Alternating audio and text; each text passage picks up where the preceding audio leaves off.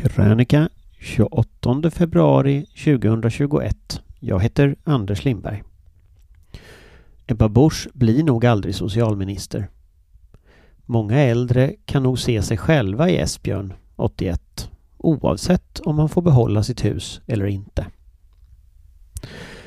Slaget vid Asculum 279 f.Kr. i dagens Italien slutade i grekisk seger.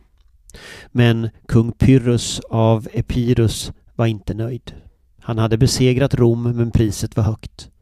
Enligt historieskrivaren Plutarkos ska han ha utropat ungefär en sådan seger till och jag är förlorad. Det blev en Pyrrhus-seger. På tisdag möter Kristdemokraternas partiledare Ebba Busch, 33, husägaren Esbjörn, 81, i tingsrätten. Ni kan bakgrundshistorien. Hon vill köpa Esbjörns hus. Han vill inte längre sälja.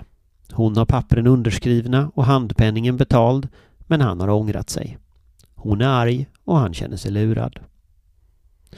I det, I det läget finns ingen annan lösning än att gå till domstol. För vanligt folk, liksom för samhällets toppar. Och utan att vara insatt i detaljerna så är det i regel svårt att hoppa av ett avtal i efterhand. Fastighetsköp sker dessutom alltid skriftligt, så om det inte finns några formella fel är bevisläget gott. Och så måste det vara. Om folk kunde ändra sig hur som helst så skulle det mesta i vår ekonomi sluta fungera. Juridiskt vet ingen hur fallet slutar. Vi får ge oss till tåls. Men politiskt går det rakt ut i terrängen för Ebba Busch. I veckans 30 minuter på SVT med Anders Holmberg gjorde hon en insats som nog kan bli studiematerial på landets journalisthögskolor i framtiden. Det hettade till rejält när Holmberg frågade om varför hon i sociala medier uppger att Esbjörns ombud har begått ett brott. Vad har det med saken att göra? Dessutom anser professorn i civilrätt, Mårten Schultz, i Svenska Dagbladet att dessa uppgifter tekniskt sett kan vara förtal. Ebba Buschs motattack när Anders Holmberg ställde frågor om detta var att ifrågasätta honom och hans motiv. Svenska folket ville prata om hennes politik istället, ansåg hon.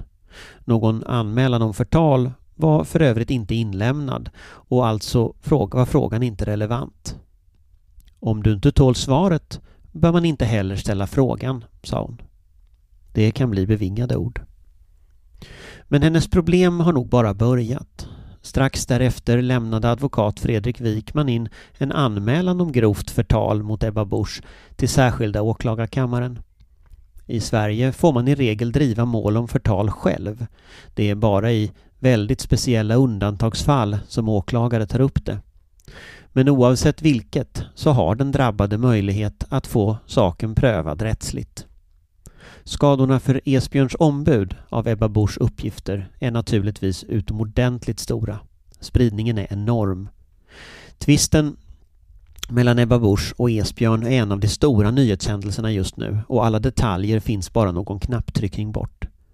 Ombudet kommer aldrig helt att kunna göra sig fri, inte i jobbet och inte privat. På ett principiellt plan är metoden att gräva efter smuts på motpartens ombud i minst sagt tveksam. Vad gör det med förtroendet för rättsväsendet om partiledare med stora mediala plattformar kan avskräcka människor från att tvista mot dem i domstol? Ingen vill ju bli uthängd inför hundratusentals följare i sociala medier. Men även när det gäller anmälan om grovt förtal får vi helt enkelt vänta och se vad som händer. Många har ställt frågan om varför hennes rådgivare inte avrått henne från att ta just denna konflikt. Jag tror svaret i grunden är ganska enkelt. Hon har, som många andra ledare genom historien, omgett sig med människor som saknar förmåga eller mandat att dra i handbromsen. I den mest klassiska av alla makthandböcker, Niccolo Machiavellis Fursten från 1513, varnar han specifikt för faran med dåliga rådgivare och smicker. Idag kanske vi skulle kalla dem ja-sägare.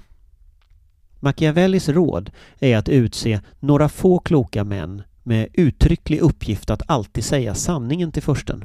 En inre cirkel där försten lyssnar och uppmuntrar rådgivarna att tala så fritt som möjligt direkt till honom. Det första intryck man får av en förstes begåvning är när man ser de män han har i sin omgivning, konstaterar Machiavelli. Och det är förstens ansvar, ingen annan.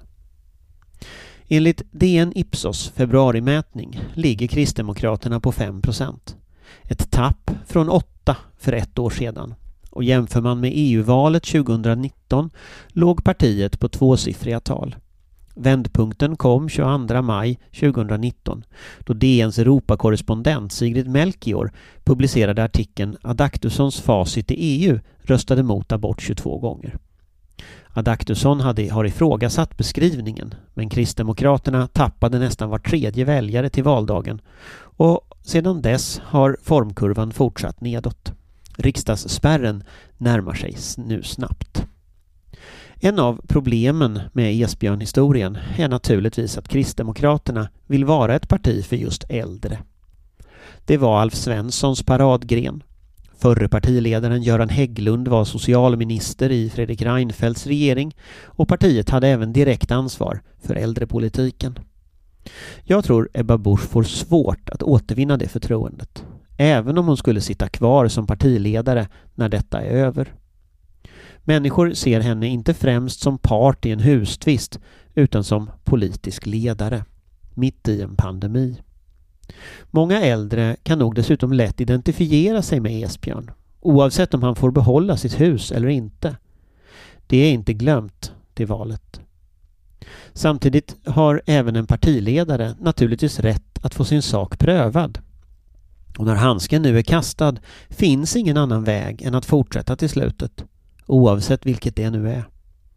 Om just detta hus är så viktigt för Ebba Busch att hon är beredd att riskera allt annat hon uppnått för att vinna tvisten så har hon självfallet rätten att försöka. När slaget vid Asculum var över önskade sannolikt kung Pyrrhos att han aldrig hade satt sin fot i Italien. Under åren som följde miste grekerna allt. Jag vet inte vem som kommer att vinna det skådespel som nu inleds. Men jag är ganska säker på vem som kommer att förlora.